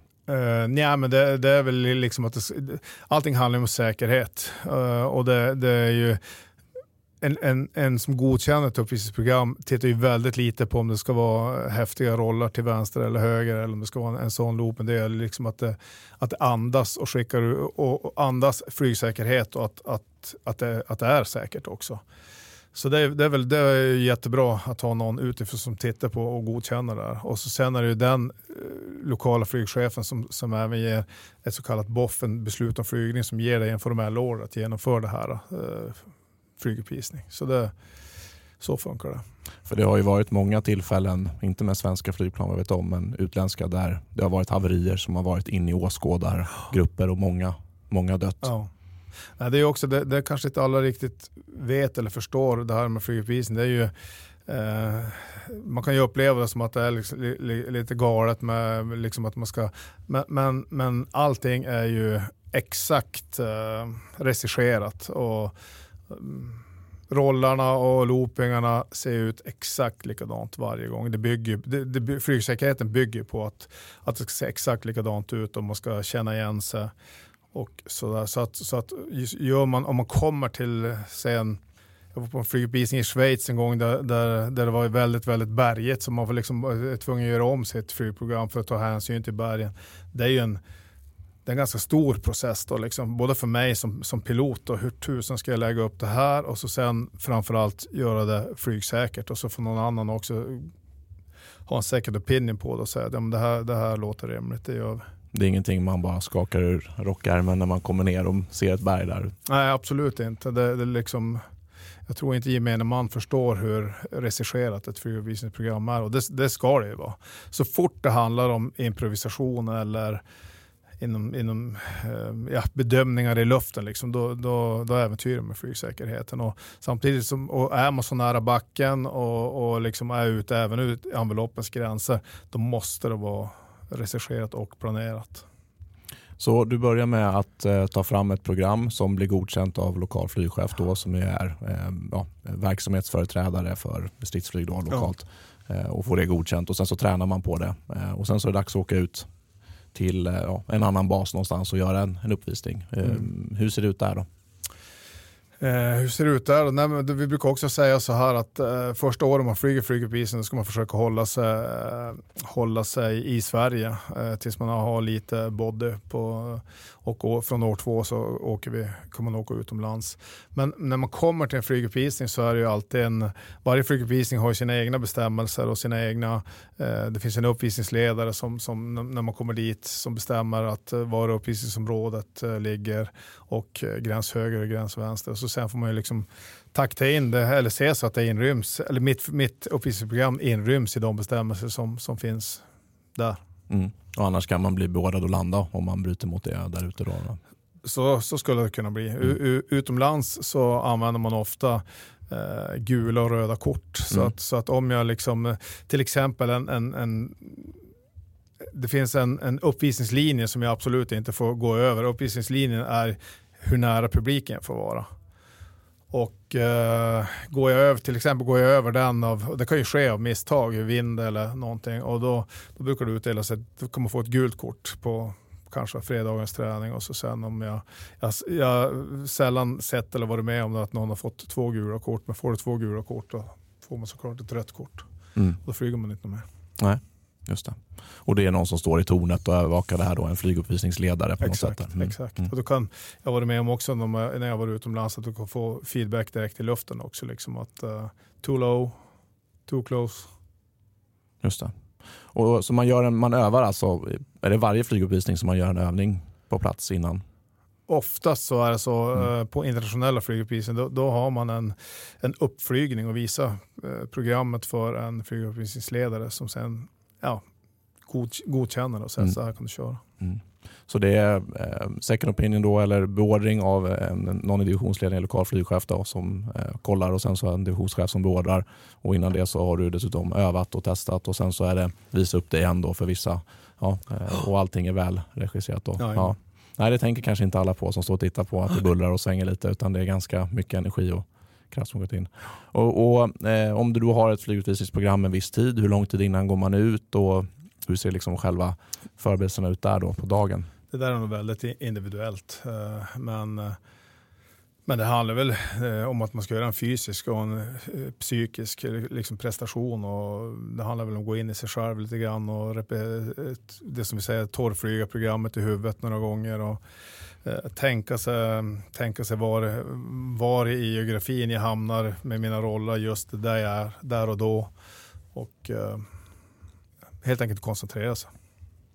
Ja, men det är ju en, en teknik, just torrflygning, alltså man, man mentalt förbereder sig. Mm. Det är ju ja, idrottsmän och sånt använder ja. den typen av teknik. Och det används ju jättemycket i flygvapnet under flygutbildning. Är det någonting du tycker är, um, har mycket nytta liksom för att komma i zonen eller, eller känner du liksom att du så fort du sätter dig i flygmaskinen så eh, vet du att du är där du behöver vara mentalt? Eller har du några sådana knep för att... Nej, men just det där att eh, det vi kallar för torrflyga det du gör då, då, då har du mentalt gjort den här saken. I det här fallet då har du flugit din flyguppvisning på just den här platsen. Då har du gjort det en gång i huvudet. Så att har du gjort det en gång så då är, du, då, då är du förberedd på ett annat sätt. När du är där och då på ett annat och så händer det något så påverkar det. Då, då, då liksom, när du har varit där mentalt innan så har du en större möjlighet att handla smart. Och det är ju det går ju liksom i, att applicera på vad som helst. Om du tänker att eh, när jag går över vägen och så kommer det en bil som inte stannar för rött, hur, hur, hur, ska jag göra då? Springa framåt, bakåt. Har du tänkt igenom det en gång så då har du en helt annan mental förberedelse för det. Så att, så att eh, tänk igenom saker och ting innan. Och det funkar bra mm. för mig. Ja, men det är någonting som jag pratar om när jag är ute och föreläser också. Just det här att man förberedelser, in och spela på planen, Mm. torrflyga och vad händer och även torrflyga som vi var inne på här, alltså alternativa. Vad händer om jag läser av det här på mitt instrument eller vad händer om det här händer? Bara man, att man har tänkt tanken så, eh, så blir det mindre chock och man, ja, man har större sannolikhet att lyckas hantera den situationen på ett bra sätt. Exakt. Mm. Och sen så gör man, då, då har man deltankat flygmaskinen för att den ska vara lite fräsigare. Alltså man har inte fyllt upp den med full bränsletank för sitt program. Nej, vi, vi, vi deltankar. Vi hänger oft, oftast av eh, extra tanken då och så deltankar vi lite grann för att, för att vi ska vara lätt och ha lite bättre performance. Så det är både för att det ska, liksom ska se mer spektakulärt ut och plus att uh, man har ju lite, förutom att man har mindre bränsle, men har man lite större marginaler till, till saker och ting. Men det är en annan sak som Låt säga att jag ska eh, flyga flyguppvisning i, flög några gånger när det var skid-VM i Åre. Då startar man i Luleå och så åker man dit med ganska mycket bränsle och så sen får man ta i beaktande mycket lite högre upp, luften är lite tunnare och man har lite tyngre flygplan. Så det är, liksom, det är samma sak där. Men då, ännu viktigare att tålflyga. När jag kommer dit i Åre så kan vädret vara sämre än vad jag har tänkt. Jag har lite tyngre flygplan och så vidare. Och så vidare. Mm. Ja, väder måste ju vara en stor faktor för man, Mm. på de här manövrarna som går uppåt så behöver man ju eh, ganska mycket höjd uppåt Mm. där som inte behöver vara i moln. Eh, jag tänkte också på det här med G-uppvärmning gör vi ju normalt när vi åker ut i sektorn och gör sektorövningar. Det har man ju kanske inte alltid lyxen att göra då eh, när man ska köra flyguppvisning. Hur har du, vad har du för knep för att hantera det där? Ärlighetens namn så har jag nog inte gjort speciellt mycket men, men det, någon gång har jag väl gjort till mig, gjort några armhävningar och, och liksom försöka, om det är tidigt på morgonen, och försöka förbereda kroppen på en, på en anspänning för det är ju eh, om man går från, man går från 0 till 100 på några sekunder och, och eh, har garanterat väldigt hög puls och eh, typ en syreskuld som man är andfådd under flyguppvisningen. Eh, så, så att eh, såklart så måste man vara förberedd på en, på en fysisk eh, utmaning. Mm. Negativa G, eh, det får jag mycket frågor om också. Mm. Eh, har du någon, eh, har, jag vet inte hur ditt program, jag har faktiskt inte sett ditt eh, program Kalle, men hur, kör du mycket negativa G också? Sådär? Nej, jag, jag, jag provade lägga in lite grann med negativa G och mest för att jag tyckte att det var otre- jag tycker att det är otrevligt i, i skallen helt enkelt att Mm. flyga med negativa G. Så att, så att, och, och så sen har jag stor respekt för att gå direkt från negativa till positiva G. Så att, så att, eh, det, Push-pull. Ja, Mm. så att eh, jag gjo- gjorde det lite grann men, men eh, jag tränade lite grann så men, men nej det var inget för mig. Jag, Mm. tycker att, jag tycker att den visuella effekten för, för publiken, jag kanske en, en pilot eh, som har flugit mycket förstår att det där nu utsätter sig piloten för något som är otrevligt. Men det är ju inte för mina pilotkollegor man flyger en flyguppvisning utan det är för eh, Allmänheten. allmänheten och, och de, de förstår nog inte riktigt eh, det, obe, det obehagliga där. Så det, det får vara. Mm. Nej, för eh, en av de första videorna på min kanal var att jag reagerade på André Brännströms flyguppvisning. Han är ju Saab, eh, eller jag vet inte om han fortfarande är, men han har varit i alla fall Saabs eh, uppvisningspilot i omgångar. Och då har de ju, han har ju ett pro programpunkt med, han går liksom från 9 till minus 3, tillbaks till 9 tror jag. Ja. Ehm, och, ja, och alla, jag tror en annan youtuber, eh, stridspilot, reagerade också så här. Och man sitter liksom och grimaserar som pilot när man ser det där Mm. eh, på, på siffran. Men, ja, spännande. Ja, något annat med uppvisningspiloteriet som du tycker är spännande att, att berätta för lyssnarna? Nej, vad skulle det vara? Nej, men liksom, eh, eh det är ju, man, man kanske kan tro också att, att det är väldigt glamoröst att vara uppvisningspilot. Men Champagne och Ja. snittar och... Ja, men det, det, var, det, var, det är liksom ofta du flyger din flyguppvisning så sen när man landar ner och hoppar ut ur flygplanet så då har liksom publiken gått hem och när man, när man tror att man ska få folkets jubel då, då, då får man ingen folkets jubel. Så att, så att man, det, det, det får man lära sig leva med, att man, man får vara nöjd med sin egen prestation. Liksom. Mm. Hur utvärderar du? Sitter du och tittar på eller har du, man spelar in alla pass? Hur, hur går själva utvärderingen till? Är det som ett vanligt pass eller gör du vissa andra?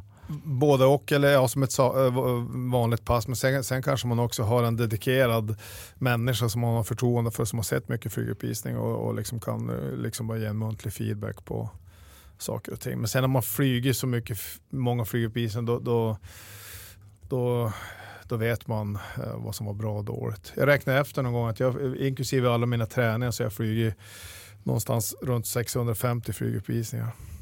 Oj. Så att eh, då, då kan man ge sig själv lite feedback. Mm. Ja, det vore ju konstigt om du inte hade kunnat göra det efter 650. Nej, det är imponerande. Det hade jag inte hört förut. Ehm, ja, men spännande. Vi lämnar uppvisningarna och så tänkte att vi skulle gå över och prata lite om haveriet också, som vi inledde podden med. Eh, kan du inte berätta, det här är alltså den 19 april 2007. Eh, ni flög vid Vidsel och utifrån den inledningen så lät det som att det var ganska bra dagar på Vidsel ur ett pilotperspektiv när man läser lågflygning och hög fart och över mot luftvärn och allt vad det var. Ja, men precis så var det. Att flyga upp i Vidsel en eh, vårvinterdag eh, på låg höjd och vi, vi, vi genomförde attackanfall mot eh, Jokkmokksbasen till att börja med. Det var en övning som hette Fokus, vad heter den?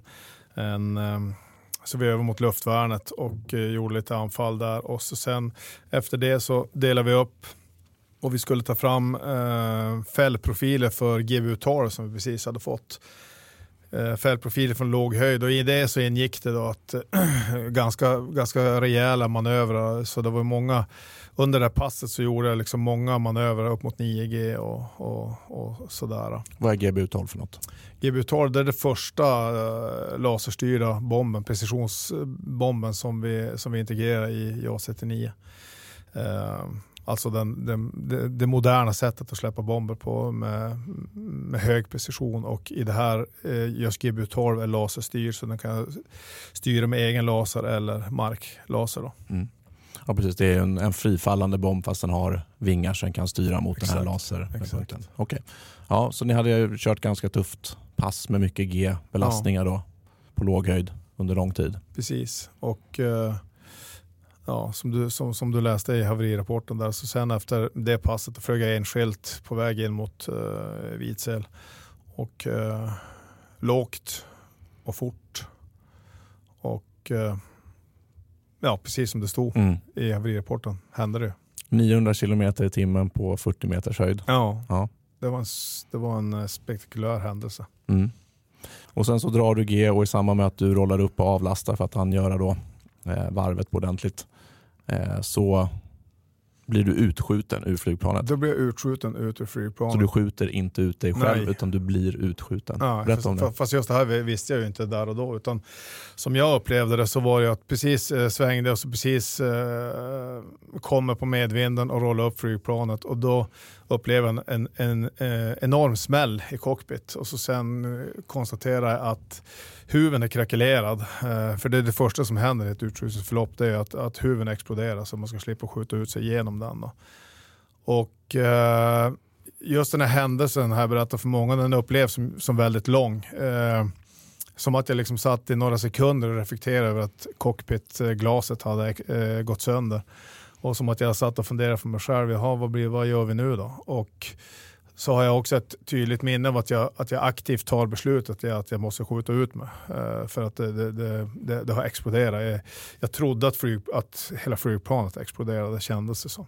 Så du, du, din analys där då att någonting har hänt som gör att någonting i flygplanet exploderar ja. runt dig? Liksom. Ja, ja. och, och, och jag, jag gjorde ett aktivt val att jag måste skjuta ut mig. Och, uh, så jag försöker skjuta ut mig, uh, minns jag. Och jag rycker efter utskjutningshandtagen som jag kan berätta redan nu. Jag rycker alltså efter utskjutningshandtagen som, som hur de satt i viggen. För det är det som jag drillar mest från mm. början. Mm. Så jag rycker efter handtagen till på båda sidorna av mina knän. Eh, I, I JAS så sitter handtaget mellan benen. Så jag rycker på fel ställe. Och fick ju alltså inte tag i en utskjutningshandtag. Så att jag har också ett, ett, ett minne av att jag, liksom, jag, jag gör ett försök till och försöker hitta handtagen. Men jag, jag får inte tag i dem. Så att uh, så jag, jag, jag, konstaterar som att uh, jag kommer inte att lyckas skjuta ut mig för jag hittar inga handtag. Hur, hur var den känslan? Ja, det var ju, det var ju det konstaterar jag och så sen konstaterar jag att jag, att jag var i luften och så sen konstaterar jag liksom att jag ser eh, marken komma mot mig. Då var jag ju kanske på ja, vad ska jag tro, 80-100 meter efter, efter jag skjutit upp en bit. Och mm. Tumlar i luften och det är väl förmodligen, då, då är ju skärmen på väg ut. Men, men jag konstaterar att jag inte har fått tag i något utskjutningshandtag. Jag konstaterar att marken kommer mot mig. Så att jag har också ett jättetydligt minne att jag konstaterar att nu, nu, nu är det här över. This is it. All right. Och jag liksom på något sätt också... För att du inte har skjutit ut dig så tror du att du ja. kommer slå i marken? Jajamän, så, så jag liksom har liksom, jag kan, som jag brukar säga, kan, kan, om man kan säga så, skryta om att jag har en, en nära, eller jag har en eh, dödsupplevelse där. Liksom. För jag, mm. jag hade, hade, mer eller mindre förlikat mig med den tanken, att så här blir det. Och, eh, eh, men sen precis efter det så då, då rycks det ju till i axlarna och, och liksom då blir, jag upplever allting knäpptyst och så hänger jag i en fallskärm. Och allt det här går ju på inte vet jag, fyra tiondelar kanske, det mm. som jag nu beskriver som, som fem minuter långt. Uh, hänger i skärmen, konstigt, men då, och då är bärande skärm på kanske 60-70 meters höjd. Det är ju extremt lågt då för de som inte uh, hoppar fallskärm så ofta. Ja. Får det. Ja. Och uh, han, det är också liksom mina händer börjar gå då. Det som vi har övat tidigare i karriären övar man ju på ja, utskjutning och vilka handgrepp jag ska göra med masken och hjälmen och hur jag ska göra med fallskärmen och styra fallskärmen. Så mina händer for och gjorde det här. Tills jag även där konstaterade att jag gör ju Viggen-handgreppen. Alltså jag gjorde, jag gjorde ja. fel handgrepp. Ja. Så jag liksom, och det här gick ju också kanske på två sekunder. Jag konstaterade att när jag gör fel handgrepp. Mm. Så jag sa till mig själv, stop it. Nu, mm. och nu landar vi bara. Mm. Fel, fel, aktion kan ju förvärra en situation ja. kontra att inte göra någonting. Ja. Så att jag landade ner där då i skogen precis eh, söder om flygledartornet. Mm. För du har skjut, blivit, ja, blivit utskjuten precis i anslutning till basen eftersom du ja. flög in över basen ja. och bröt eh, uppe i varvet. Då. Mm. Precis, så att när jag stod där i skogen sen så då, det var det precis som eh, en sån här uh, dröm som man ibland vaknar från och tänker att var det här på riktigt mm. eller var det på låtsas? Men jag tänkte att det här är nog på låtsas. Det är nog en, en, en, en dröm. dröm. En, okay. en dröm. Och så liksom en obehagligt uh, tydlig dröm. Uh, men, men där stod jag och så sen någonstans då började jag höra uh, brandkåren tjuta och jag liksom kommer fram till att det här är nog ingen dröm. Nej. Och så sen som man fungerar som människa, eller jag fungerar som människa, så söker man direkt vad gjorde jag för fel? Mm. För det är jag som har gjort någonting. Mm. Uh, så då började jag, liksom, för jag flög ganska lågt, men inte så lågt. Men uh, jag, började, jag började till och med, att du har flugit in i något då Jag kanske? flög in i, i, mm. i flygledartornet kanske. Så jag tittade liksom mot, jag såg ju det från där jag stod, men det såg ju rätt intakt ut. Det var helt... så det var inte det. Och, men sen, sen var jag nog eh, överens om att förmodligen så har flygplanet gått av, eller gått av och exploderat. Mm. Så jag hann tänka att nu, nu har de någonting att fundera på på Saab, för mm. det, här, det här var inte bra. Nej. Du, ingen, inte, så det är de här typerna av tankar, det är inte det här åh vad skönt att jag lever, utan direkt så börjar du analysera vad det är som har hänt och varför. Ja, det är, ja. Ganska, det är ganska intressant hur man funkar som människa. För jag tänkte på det och så sen tänkte jag nu kommer det säkert bli flygstopp på det flygplanet och då, den här övningen fokus vi är med, det kommer bli stopp i det, det var tråkigt. Och vad ska grabbarna säga som inte får flyga nu på säkert flera dagar? Mm. det är ganska irrationellt i efterhand, ja. alltså, så, eh, såklart. Nej, just den tanken att, att jag var glad att jag levde, det, det tog flera dagar. Liksom. Ja. Och då ändå trots att du hade hunnit tänka tanken att ja. nu, är det, ja. nu är det slut snart. Precis så. Mm. Och eh, för lyssnarna och tittarna så utskjutningsförloppet är ju då precis som du var inne på Stefan att eh, man har en pentylstubin som spränger huven så att man slipper åka genom den. Och sen så är det en trestegsraket. Man sitter ju på en, på en raket egentligen när man flyger som skjuter ut stolen med föraren på. Och sen så separerar man från stolen och fallskärmen utlöses lite förenklat. Då. Mm. Um, allt är automatiskt. Allt är automatiskt, ja.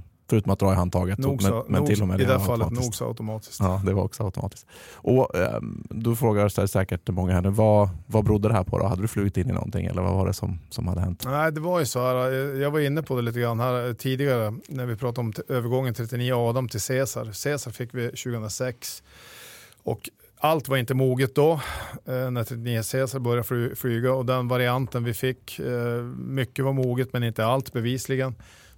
och vi skulle åka på vi skulle åka till, till eh, Alaska som jag sa, så det var lite, allt var rätt så forcerat.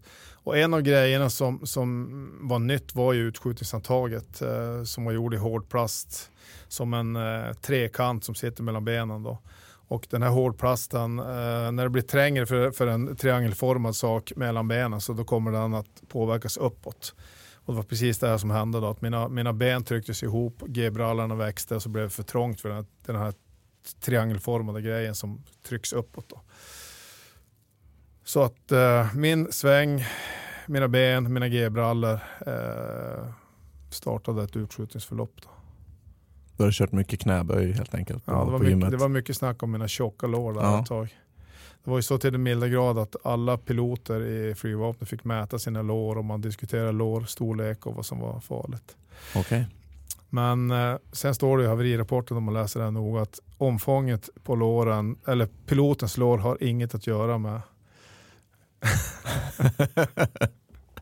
Så du, du, dina lår är då officiellt godkända av Statens haverikommission? jag hade en Ja. period där när jag var nere på Saab i samband med det här. Då var det många som inte tittade mig i ansiktet utan bara tittade på låren. De objektifierar dig alltså. Exakt. Hur var det att, att liksom ge sig tillbaka i, i flygningen eh, efter det här? Var det, var det som man pratade lite om det här upp på hästen och allt Mm. det där?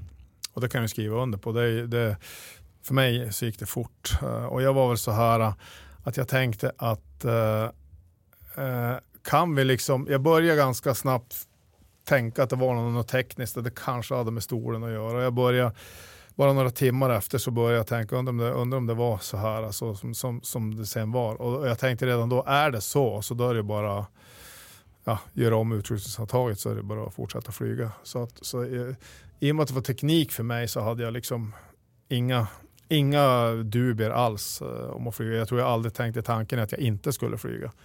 Utan det var liksom bara hur, hur, hur snabbt kan vi komma igång med det här. Och eh, så jag, det här var på en torsdag och eh, sen eh, gjorde jag läkarundersökning. Jag åkte hem över helgen och gjorde läkarundersökningen på måndag.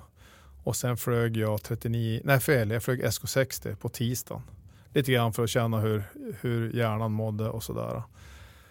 Ehm, och Och du var godkänd, eh, läkaren, de, för man pratar ju om det här att man får bara göra tre utskjutningar. Det finns något sånt här rykte som går och så, men det är ju en läkarundersökning som liksom... Man, man gör en, en, en sån 1B-undersökning, sån som, sån som eh, så vi gör varje år. En, en, en förnyad sån gjorde liksom och prata med en psykolog också lite grann om eh, hur det känns och är vi mogen för det här och, och så upp på hästen på tisdagen i en tvåsitsig SK60.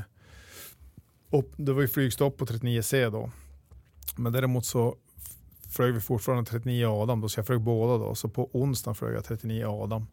Right. Och faktiskt på torsdagen flög jag en flyguppvisning med 39 Adam. All right. Så det gick fort. Extremt fort. Mm. Mm. Precis. Mm. Så, att, så eh, upp på hästen, ja, det kan jag skriva under på.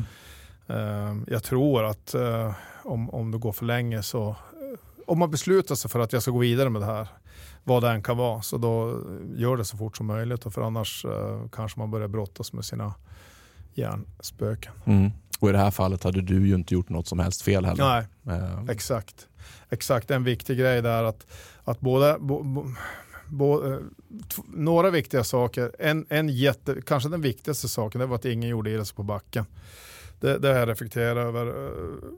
Det sa jag, men när jag stod i skogen där så tänkte det, det var faktiskt det första jag tänkte på. Fasan, det är väl ingen som fick flygplan i huvudet. mm. Fast jag kunde liksom säga att nej men så var det nog inte. Och då, då ha- hade det varit så att, så att jag nog lagt flygplanet på någon så hade det, det hade varit, det hade varit extremt jobbigt. Eh, så det är viktigt. Och så sen för mig också att, att det var en teknisk sak som man snabbt kan påvisa. Så, så då kunde jag gå vidare enkelt. Mm. Och från eh, kollegorna på divisionen och så, vad, eh, vad, vad sa de när du kom gående där? Du blev väl hämtad med helikopter förstås? Ja, första, första kommentaren jag fick av en kollega, han frågade varför sköt du ut det? Ja. Ja, så jag, jag vet inte. Vi får åka ner, vi får åka och snacka om det här. Svara nu. För, för de, de stod ju på, det var ju några som stod på backen och såg när jag Mm. flög över, så såg de bara mig komma och svänga över och så sen hoppade jag. Ja, just det. Så de frågade mig varför. Mm. Jag vet inte. Nej, det gjorde du inte heller. Du sköt ju inte ut dig. ja, vi kan skratta åt det just för att det eh, går bra. Och det är ju liksom ett bra sätt att hantera eh, ja, men, saker som är svåra är ju att använda humor liksom, Ja. och, och just när det har gått bra också. Sen var det ju bara, det är Guds försyn att det hände där det hände också. För att utan att gå in helt i tekniken vad, vad det var för fel på stolen, men det här skulle ha hänt förr eller senare. Mm. Eh, om vi skulle välja någonstans där det ska hända så är väl en, en, en, Tallskog en utanför tallskog Vidsel. i, Mm. i Norrbotten. Är väl ganska bra att det Mm. händer. Och inte på en flyguppvisning i Indien med en miljon besökare. Nej. Nej, vi har haft extrem tur eh, i flygvapnet med 39-systemet får man ändå säga. Eh, Vattenfestivalen till exempel, att Ja. ingen dog där och, och att alla eh, nu är det en thailändsk kollega som tyvärr har förolyckats i 39 men annars har vi ju varit förskonade från dödliga haverier även om vi haft Exakt. våra haverier. Så. Ja, men spännande. Och då är du medlem i någon sån här Martin Baker Club nu då eh, och får särskilda diplom på väggarna och sånt där. Martin Ja. Baker är stoltillverkande. Ja. Mm. Det, är också, det finns en liten kul skröna kring det där också. Det var ju eh, Eh, efter när, när dammet hade lagt sig så satt jag hemma och eh, slösurfa någon slösurfade kväll och så gick jag in på Martin Bakers hemsida. Då, då finns det att du kan klicka och apply to Martin Baker Thai Association. Så jag gjorde det då. Så att, och så sen fick jag eh, efter ett tag ett handskrivet brev tillbaka och då skrev de så här att eh, this has went up to the board och vi har tittat på det här och eh, statuterna för att eh, få vara med i Thai Association ska vara om man aktivt valt att skjuta ut sig för att, eh, för att eh, spara sitt liv. Mm. Och det har ju du faktiskt inte gjort. Så vi gör så här sa de att du får ett, eh, jag fick en slips och så fick jag ett eh, märke jag har på axeln. Fast jag fick inte vara med i The Thai Association. Du åkte på det finstilt alltså? Ja, jag åkte på men sen, sen gick det några år och då såg jag in på samma sida och så sen applyade jag igen. Ah, okej. Och då, då frågade de, eh, nej vi känner inte riktigt till ditt haveri, men då bifogade jag haverirapporten och lite sånt. Och så sen fick jag ett diplom och nu är jag fullvärdig member. Du är fullvärdig och en member. slips till fick jag. En slips till? Okej, så du har dubbla, dubbla slipsar då? ja, vi hoppas att det stannar vid dubbla slipsar och inte eh, en tredje också. Ja, nej men eh, kanon eh, Stefan. Ska vi, vi ska, du har varit divisions, i divisionsledningen också. Kan du prata något om det? Jag har jobbat som ställföreträdande divisionschef i kanske fem år på Urban Blå. Mm. Det har jag gjort och det är ju det är grymt roligt. Det kanske är det roligaste. Jag har haft mycket roliga positioner i, genom åren, men, men det är ju det kanske är det roligaste. Eh, och varför är det så roligt? Och därför att är du ställ, ställföreträdande divisionschef, jag brukar jämföra det med vad som är, då är du, då är du coach i ett hockeylag. Eh, du har ditt hockeylag. Är du divisionschef, kanske någon som säger emot mig, men är du divisionschef då är du lite mer sportchef. Och, men, men ställföreträdande divisionschef, då, då leder du eh, laget eh, lite grann i den dagliga verksamheten och coachar och bestämmer hur träningarna ska se ut och ja, specialcoachar folk och ja, får laget att må bra. Mm. Jätteroligt. Och eh, varför har du inte gjort karriär då inom citationstecken? Det är på vad man menar med karriär. Varför har du inte varit i Stockholm och läst överstelöjtnant och siktat på det? Då? Nej, det där har jag aldrig, alltså jag, jag, det där har aldrig tilltalat mig riktigt. Jag var i Stockholm och läsa saker. Det skulle bara sluta med att jag var ute på kvällarna och käkade hamburgare och drack bärs. Och det, eh, nej, men skämt åsido, eh, jag tycker det är så roligt att vara på jobbet och flyga, just flyga flygplan har ju verkligen fallit mig i smaken. Och, eh, jag skulle gärna vara divisionschef men jag är inte beredd att, eller jag har aldrig varit beredd att göra det som krävs för att bli divisionschef. Så att, eh, och vad är det som Ja, krävs? Ja, det är att du, att du går med militära högre utbildningar helt enkelt. Eh, Mm. Som, som, som tar tid både från jobbet och framförallt familjen och liksom vara borta. Det är en ganska stor uppoffring tycker Mm. jag. Alla gör vi våra egna val men för mig och för min familjs situation så har det varit smartast tycker jag. Eller tycker vi. Du har ju varit borta ganska mycket hemifrån ändå tänker jag. Vi, som stridspilot är man ju ja, incidentberedskap, övningar, tjänsteresor. Ja, Exakt. mera, med mera. exakt. Jo, Mm. nej, det behövs ingen mer bortovaro. ja, precis. Så du, du håller dig kvar på division och flyger flygplan? Jag håller mig kvar och flyger flygplan, ja, precis. Jag, jag gjorde en kortare, eller kortare, jag var tre år jobbade som huvudlärare stridsflyg på FBS och då, eh, men det är också ett fantastiskt jobb. Eh, då är man ju lite grann eh, vidareutbildar eh, övriga piloter på både lite ledarskap och lite flygning och så sen är man, är man lite grann känselspröt ute på alla divisioner så att, så att eh, man åker omkring på division, flyger på alla divisioner och eh, träffa mycket folk och, och väldigt, väldigt flygrelaterade prylar. Och det, det är min grej. Mm. Så det gjorde jag i tre och ett halvt år tror jag det var. Och så sen efter det så är jag tillbaka på samma ställe Mm. och det passar mig.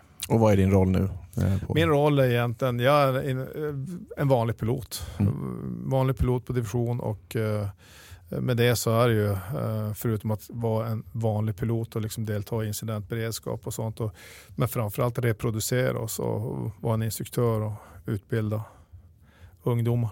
Mm. Är det sista kvistfria virket slut nu eh, när det gäller? Hade velat säga ja på den, men, men så är det. Eh, Vi har, vi har, vi har fantastiskt duktiga elever. Mm. Och det är ju, eh, enormt stimulerande att jobba med, med kids, som jag kallar dem, som, som, som älskar att gå på jobbet och, och vill bli bra. Oavsett om du håller på med flygning eller vad som helst. Det är ju sjukt stimulerande. Och vi har, eh, vi har bra elever. Ja, men det är Så, roligt att än, höra. så än finns det hopp. Än finns det hopp. Eh, jag tänkte vi skulle avsluta med två, jag har två frågor kvar. Eh, det första är, eh, du har flugit under väldigt lång tid och som sagt som du har lite kvar på division och i olika roller. Håller kroppen? kroppen håller bra. Faktiskt, jag har peppa peppa tagit det där, inga skavanker. Jag har eh, någon period haft lite ont i ryggen, om det, men det är förmodligen för att man är blivit gammal och, gammal och tjock gubbe. Så det tror jag alla i 50-årsåldern har någon gång. Men jag har ingenting som, som jag kan eh, direkt relatera till flygningen. Vad beror det på då? Att du har hållit dig? Jag var... Bra fråga. Eh, jag vet inte, men, men liksom hållit, hållit mig i normal form och jag har haft lite tur kanske. Tränat låren mycket? Tränat låren mycket. Mm. Ja. Lagom tjock, medelålders man i sina bästa år. Mm. Som Karlsson på taket. Mm. Kanon. Den sista frågan jag har eh, Stefan, det är innan jag tänkte släppa dig. Det är det här, eh, du var inne lite på det här med ledarskap. Det är någonting som jag eh, pratar mycket om och reflekterar mycket kring just då. Ja, jag har ju lärt mig allt jag kan i, i princip i flygvapnet och, och på division just det, för det är, det är en fantastisk miljö.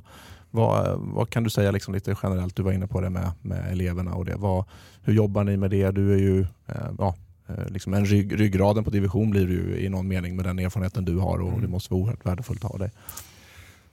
Hur jobbar vi med? Vi, vi, vi jobbar ju väldigt mycket med, med bygga laget. Liksom ha en, ha, jag säger grundstommen till liksom ha en fungerande verksamhet på en stridsflygdivision, det är att ha ett starkt lag. Så att, så att eh, innan man liksom börjar lära sig saker och innan du gör någonting så gäller det att liksom se till att du har, en, att du har ett starkt lag, och att du har en eh, kåranda i gruppen som liksom, då man är beredd att göra saker och ting för varandra. För vi turas ju om. Liksom, just idag så är det jag som är instruktör för den och den människan. Men sen eh, någon annan dag så är den yngre eh, killen eller tjejen eh, instruktör åt mig i någon eh, annan sak som hon eller han är expert på. Så att, så att du måste ha den stämningen i gruppen att vi liksom eh, lär av varandra. Eh, och så sen måste man jobba en annan nyckel till framgång är att man jobbar aktivt med det hela tiden. Alltså det är liksom att, att ha, en, ha, en, ha en bra grupp, ha kul på jobbet, ha en grupp som funkar, ha ett bra ledarskap där man har förtroende för varandra. Det måste du jobba med hela tiden. Som du liksom på fredag när du går hem från jobbet och känner att nu har vi det bra, det här går bra. Och så sen kommer du på måndagen på jobbet, då har vi kanske bytt en ställföreträdande divisionschef, vi har två eh, instruktörer som har stuckit, två nya. Då har du en helt ny spelplan då måste du liksom aktivt också fundera vad har vi att jobba med nu den här veckan. Och sen kanske du är i mål med, med redan på torsdag, nu är vi back on track igen. Men du måste liksom ha respekt för det här och hela tiden ta det i, i hänsyn. Och jag tycker ju också att, liksom att jobba i en sån miljö där man, där man aktivt, eh, det är lite grann ju, ju äldre jag har blivit så tycker jag att det, det är liksom kul att, eller det är stimulerande att liksom se att vi har kanske någon snäg någonstans där. Alltså sen med ganska små medel så lyckas man påverka det till att det blir bättre både för den enskilda individen och för gruppen och liksom att se att vi når framgång. Det är ju enormt stimulerande. Vad kan det vara för, för snags? Nej, men det kan väl vara liksom eh, eh ja, allt ifrån eh, liksom, eh, mjuka saker, att man, man, man ser att någon eh, inte mår bra eller har något personligt eller någonting och liksom man sträcker ut handen. Hur kan jag hjälpa dig med det här? Och så sen lyckas man göra någonting så att vederbörande trivs bättre på jobbet och faller in i laget. Och liksom, eller om man har någon som faller ur ramen på normer och värderingar liksom som vi har i gruppen och så sen kanske vi får knuffa in eh, som man kommer på rätt riktning och så sen säger man att nu är vi on track igen. Det är ju, oftast så, så när det inte går så bra i en grupp så kan man ju tycka att fasen vilket jobb det här krävs för att det ska bli bra. Men ofta så är det inte så stora saker utan snacka med varandra och liksom gör de där små knuffarna så, så blir det ofta bra. Det, det tycker jag är stimulerande. Och det grundar sig ju i att man har den här tilliten till varandra för att man har byggt laget från början. Just ja. att man vågar berätta om det. För det är någonting som jag också reflekterar mycket över. Just att på en division så är man ju, ja, det, det, är extrema vinnarskallar. Alla vill lyckas, alla vill bli duktiga eh, och ha höga krav på sig själva och på varandra. Men det finns ju en, en väldig värme och omtanke också. Mm. Det är inte någon eh, machokultur på det sättet som kanske folk, jag vet inte om folk föreställer sig det, men utan det, man känner varandra väldigt väl efter ett par år. Mm. Och, och, och kommer man på jobbet en måndag och känner att, att, det, att vi inte är där, så då, då är jag den första att säga att vi måste göra någonting åt det. Man kan skratta åt våra teambuildingar och, liksom, och, och som, som oftast man gör i roliga former, men det är ju den dagen det, det brinner och liksom man råkar ut för ett haveri eller du åker till Libyen, det är enormt viktigt att känna varandra. För att du kan inte, den dagen du ställs inför en kris eller du ska göra en skarp uppgift, det är inte då du ska lära känna varandra. Då måste man veta var man har varandra. Mm. Ja, då är det ju för sent. Ja. Mm. Ja, men spännande. Är det någonting som jag inte har frågat dig om, Stefan, som du tycker att det här är spännande att höra för lyssnarna? Eh, du, du, du har bjudit in till att jag ska få prata mycket om mig själv. Så att, eh, det har varit en bra podd om andra. Jag är nöjd. Ja, du är nöjd. Ja. Ja, men jättetack till dig Stefan och um, vi rundar av där. Uh, ni kan, uh, ja, har du några sociala medier förresten Stefan? Nej. Nej. Uh, så ni kan inte kontakta Stefan men ni kan kontakta mig och ni får jättegärna hjälpa oss genom att lämna en femstjärnigt betyg på Spotify och Apple Podcast. gilla videon om ni tittar på Youtube. Dela det här avsnittet med någon som eh, ni tror kan ha nytta av det och som är intresserad av det. Allt det här hjälper oss att eh, nå ut till fler människor så att vi kommer rätt i alla algoritmer där ute. Eh, vill ni stödja podden på andra sätt så finns det ju en, ja, en stridspilot-inspirerad merch-shop. Även om du har varit inne Stefan och köpt något än på 9xg.se som vi släppte här för inte alls länge sedan. Så 9xg.se, där kan ni gå in och titta. Ni kan också bli månadsgivare och då får ni tillgång eh, till eh, en grupp där jag publicerar kommande gäster i podden där ni har möjlighet att ställa frågor i förväg också. Och det hittar ni på kofi.com maxfilman. Jag lägger det nere i beskrivningen. Och ni kan naturligtvis också köpa mig en kaffe via Swish. Vill ni att jag ska komma och prata lite eh, föreläsning med ledarskap och sånt som vi har avslutat med idag här så kan ni prata med mig också. Alla länkar i beskrivningen. Och Avslutningsvis så går våra tankar till alla de där ute som hjälper oss att få leva ett liv i frihet, ett liv som vi själva väljer. Poliser, försvarsmaktsanställda och frivilliga, tull, kustbevakning, räddningstjänst, ja all sorts blåljuspersonal. Tack för er insats. Och till alla de som omkommit under insatser och övningar här hemma och borta. Ni är aldrig glömma. Och idag då såklart så riktar vi ett extra stort tack till major Stefan Kale och hans stridspilotkollegor som ser till att vår luft även fortsättningsvis är fri. Jag finns på alla olika platser under snabla Max Willman. Stefan får ni inte prata med, men till nästa gång. Det här var Max och Stefan. Fly safe.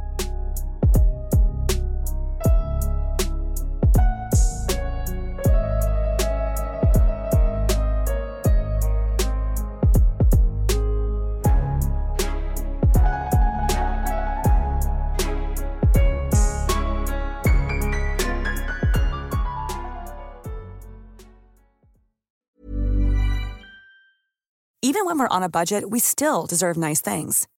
Quince is a place to scoop up stunning high-end goods for 50 to 80% less than similar brands. They have buttery soft cashmere sweaters starting at $50, luxurious Italian leather bags, and so much more. Plus, Quince only works with factories that use safe, ethical, and responsible manufacturing. Get the high-end goods you'll love without the high price tag with Quince. Go to quince.com/style for free shipping and 365-day returns.